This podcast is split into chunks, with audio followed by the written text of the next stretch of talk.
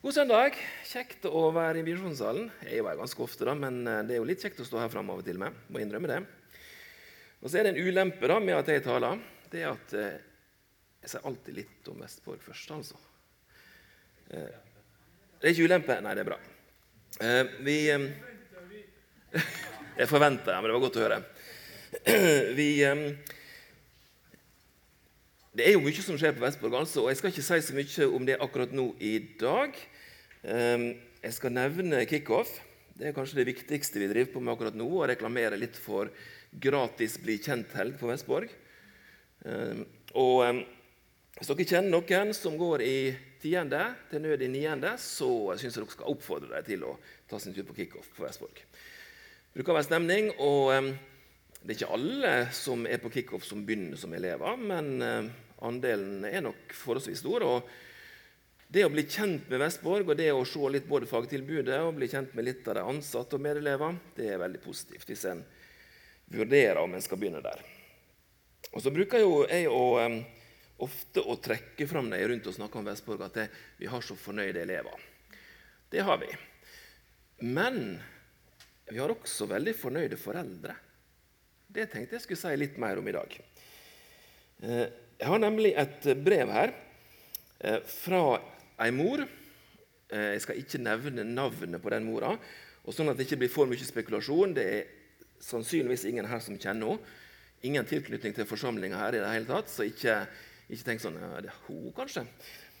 Men jeg tenkte jeg skulle lese. Det er ikke sånn kjempelangt brev, men det er et veldig greit brev som Eh, hun skrev fordi at vi skulle bruke det på ei eh, utdanningsmesse. Vi fikk høre om Vestborg på utdanningsmesse da jenta vår gikk i 10. klasse. Og Ideen om studiespes kombinert med internatliv fanget interessen. I januar arrangerte de ei kickoff-helg for den som var interessert i å finne ut mer om skolen. Hun dro dit og fikk et så positivt inntrykk at valget virket å være ganske enkelt da søknadsfristen nærmet seg. Det var en spent student og en ikke mindre spent mamma og pappa som reiste til stranda i august. Men det gikk ikke mange timene før vi som foreldre var overflødige. Hun fant seg til rette med en gang og virker ikke å ha angret noe på valget hun tok i mars. Og Det til tross for at hun i utgangspunktet har vært en hjemmekjær frøken som vi slettes ikke trodde kom til å flytte bort allerede når hun skulle begynne på videregående. Vi sitter igjen med en meget positiv opplevelse av skolen på alle plan. Lærere, selve studiet, mulighet for å få hjelp med lekser og lignende etter skoletid ved behov. Det er mye aktivitet på ettermiddag, kveld og helg, så hun har nesten ikke tid til å ringe hjem. Når vi henter henne på bussen, så har hun så mye å fortelle at det går i ett i lang tid. Så det er ingen tvil om at hun trives. Vestborg er en kristen skole, men selv om jenta vår ikke har vokst opp i en familie som har vært av de mest aktive på den fronten, så har ikke det betydd noe. Alle blir like godt tatt imot på Vestborg. Så til dere foreldre som kanskje er litt skeptiske på at de flytter hjemmefra når de er så unge, så kan dere være trygge på at eh, det kjæreste dere har, blir ivaretatt.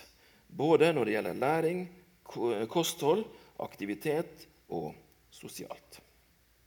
Så den som vurderer å ta studiespesialisering, så kan vi definitivt anbefale Vestborg. Um, Sosiale medier eh, er vi forholdsvis aktive, eh, særlig Instagram. Så hvis det er noen her som ikke har Instagram, så er det en god grunn for å få Instagram. Da kan dere følge med på hva som skjer på Vestborg. Akkurat nå er det en gjeng fra idrettsklassen som er i Østersund eh, på World Cup i skiskyting. Legger ut litt bilder derfra. Så, så følg oss på Det har kommet litt på Facebook også. Følg oss gjerne på Instagram og Facebook. Første søndag, søndag i advent. Eh, Lukas 5, 16-22. En ganske kjedelig tekst, altså. Er det lov å si? Nei, kanskje ikke lov å si. Eh, så tenker du kanskje at ja, men da har han tenkt å si det at det, Det virka veldig kjedelig, og så ble den interessant når en fikk sett mer på den. Men nei, den er egentlig ganske kjedelig uansett, altså. De som har plukka i teksten, har på en måte stoppa akkurat når det begynner å bli spennende. Eh, når det begynner å bli dramatisk. Og så kan jeg jo si ja, men det er jo du sjøl som har valgt å bruke den teksten, og det er det jo. Men det at den er kjedelig, betyr jo ikke at den ikke er viktig. Så det er en viktig tekst, men, men kanskje litt kjedelig. da. Nå har jeg sikkert snakka opp teksten nok, så vi kan lese den.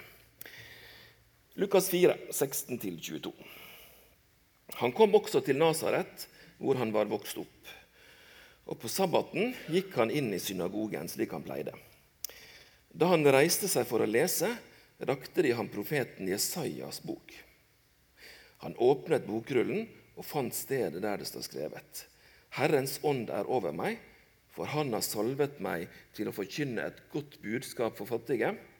Han har sendt meg for å rope ut at fanger skal få frihet og blinde få syn igjen, for å sette undertrykte fri og rope ut et nådens år fra Herren. Så rullet han bokrullen sammen, rakte den til synagogetjeneren og satte seg. Alle i synagogen stirret spent på ham. Han begynte da med å si.: I dag er dette skriftordet blitt oppfylt mens dere hørte på. Alle roste ham og undret seg over nådeordene som kom fra hans munn. Jesus tilbake i Nasaret. Eh, Ofte så snakker vi om Nasaret som, som litt liten landsby. Eh, ubetydelig liten landsby. Eh, langt ute i periferien, langt unna der det virkelig foregikk og skjedde noe. Og Sannheten er at vi vet egentlig ikke hvor stor Nasaret var. Eh, men jeg har sett noen fortolkere, teologer, som mener at det må ha vært en by på over 10 000 innbyggere. En ganske stor by. Uansett om den var stor eller liten, så var den i alle fall ikke langt ute i periferien. Det gikk eh, store, viktige hovedveier rett forbi. Der kom det pilegrimer på vei til Jerusalem. Der kom det karavaner fra Egypt på vei til Damaskus. Der gikk hovedveien østover, som romerne brukte til å frakte både soldater og eh, anna. Så uansett så var var ikke Nasaret en liten utkant. Jesus var fra en plass der det foregikk noe, eh, som var midt i eh, trafikken, midt i det som skjedde. Og så står det at Jesus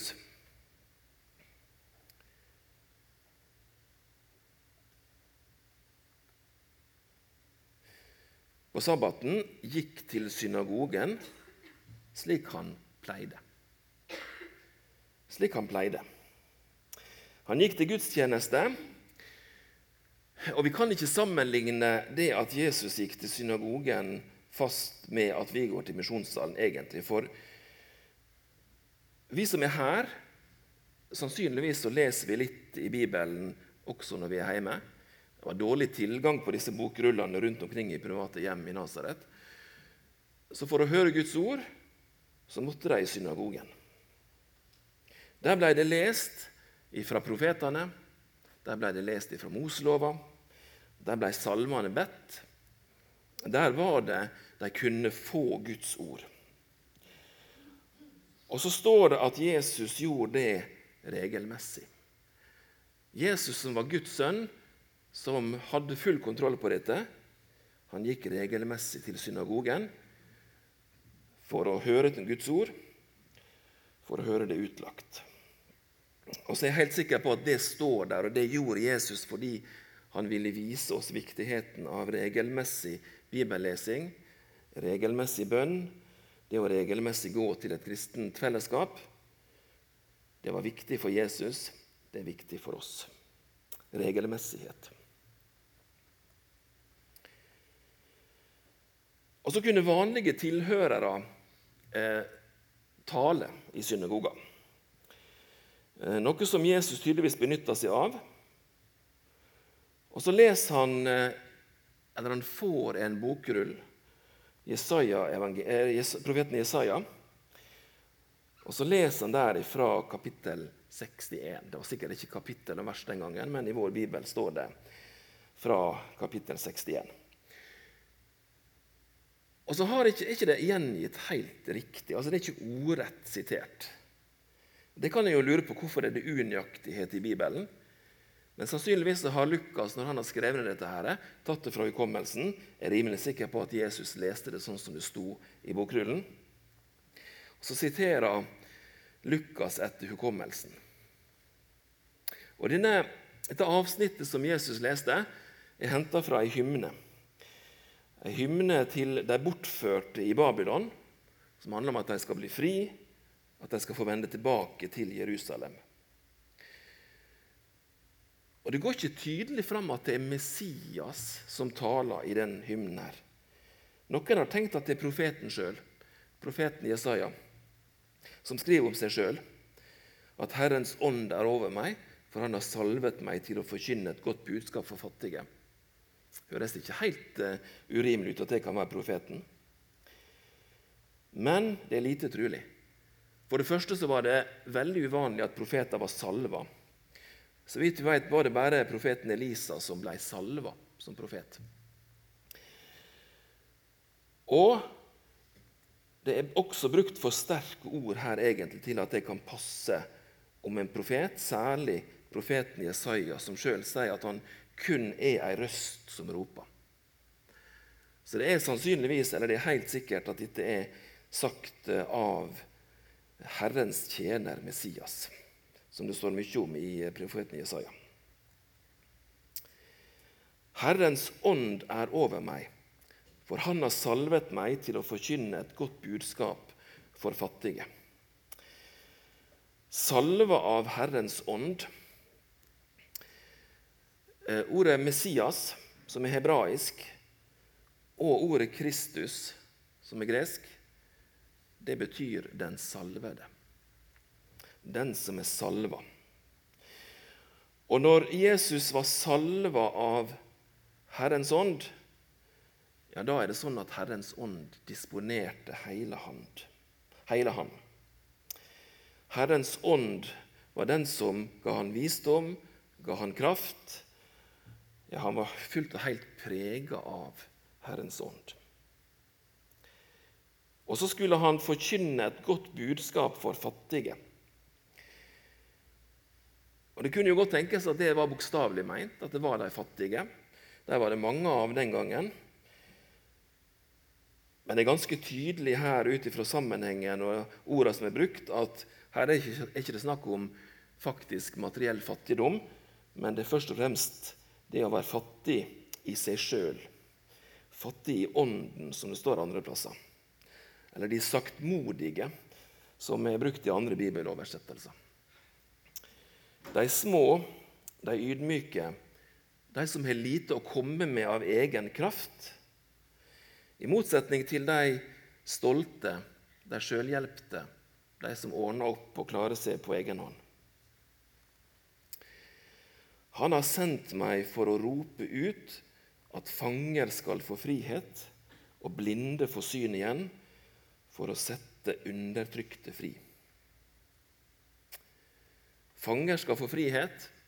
Når dette var sagt første gangen eh, av profeten, så hadde jo de helt sånn praktisk betydning, helt bokstavelig betydning, at de som var i fangenskap, skulle slippe fri. Men når Jesus bruker teksten her, så er ikke det ment bokstavelig. Da er det de som er fanga i synd, fanga i sorg, fanga i vanskeligheter, vikla seg inn i noe problematisk. Blinde skal få synet, undertrykte skal bli satt fri. Og rope ut et nådens år fra Herren et nådens år fra Herren. Og Her viser jo både profeten og Jesus, da, siden han leser fra profeten, til denne ordninga med jubelår, som står beskrevet i Det gamle testamentet. Hvert 50. år skulle være et jubelår. Da skulle all gjeld ettergis. Alle gjeldsfanger skulle løslates. All pantsatt eiendom skulle gis tilbake til den opprinnelige eieren. Det høres noe deilig ut, da, gjør ikke det det? Det er noen her med boliglån som tenker dette var en bra ordning. Og så er det sannsynligvis aldri blitt gjennomført, heller ikke i det gamle pakt. Eh, det er mye som tyder på at dette aldri har blitt gjort i Israels historie. Og kanskje Dette vet jeg ikke, men kanskje var det heller aldri meninga at det skulle bli gjennomført. Kanskje er det et bilde på nettopp det som skjedde når Jesus kom til jorda. Kanskje er det et uh, ideal, et uh, symbol på det som skjer når Jesus kommer. Når fanger blir satt fri, når undertrykte blir satt fri, når den som har stor gjeld til Gud, får sletta gjelda si og går fri. Og så leste ikke Jesus alt som Jesaja skrev. Han hoppa over noe. I Jesaja 61, 61,2 så står det for å rope ut et nådens år fra Herren og en hevnens dag fra vår Gud, for å trøste alle som sørger. Jesus hoppa over domsorda. Han hoppa over hele dommen. Det er litt rart, er ikke det? Nei, det er ikke det. Jesus han kom ikke for å dømme denne verden. Han kom for at verden skulle bli frelst ved ham, som det står i Johannes 3, 17. Dømme det skal Jesus gjøre når han kommer andre gangen. Men når han kom til vår jord som et barn, var det ikke for å dømme verden, men for at verden skulle bli frelst ved ham.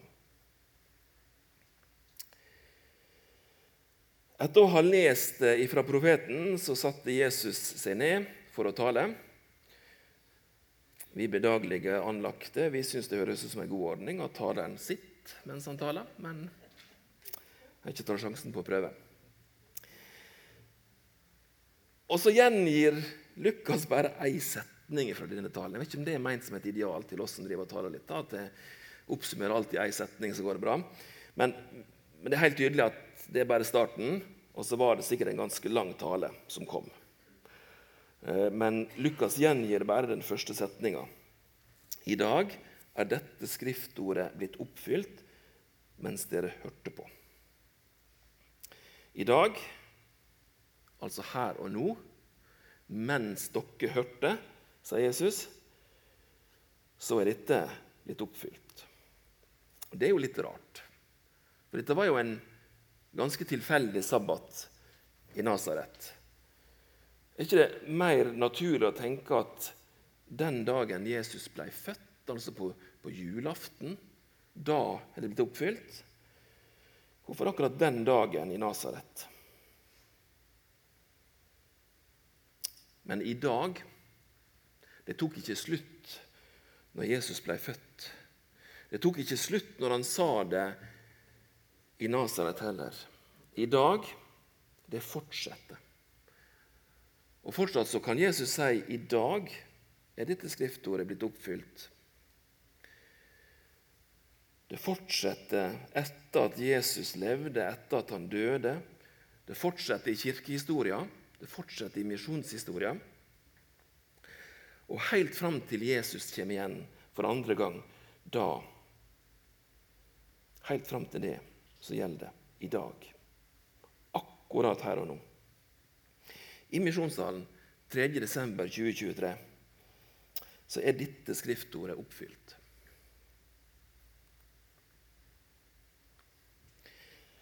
Alle roste ham og undret seg over nådeordene som kom fra hans munn. Han fikk bare positive tilbakemeldinger, kan det se ut som.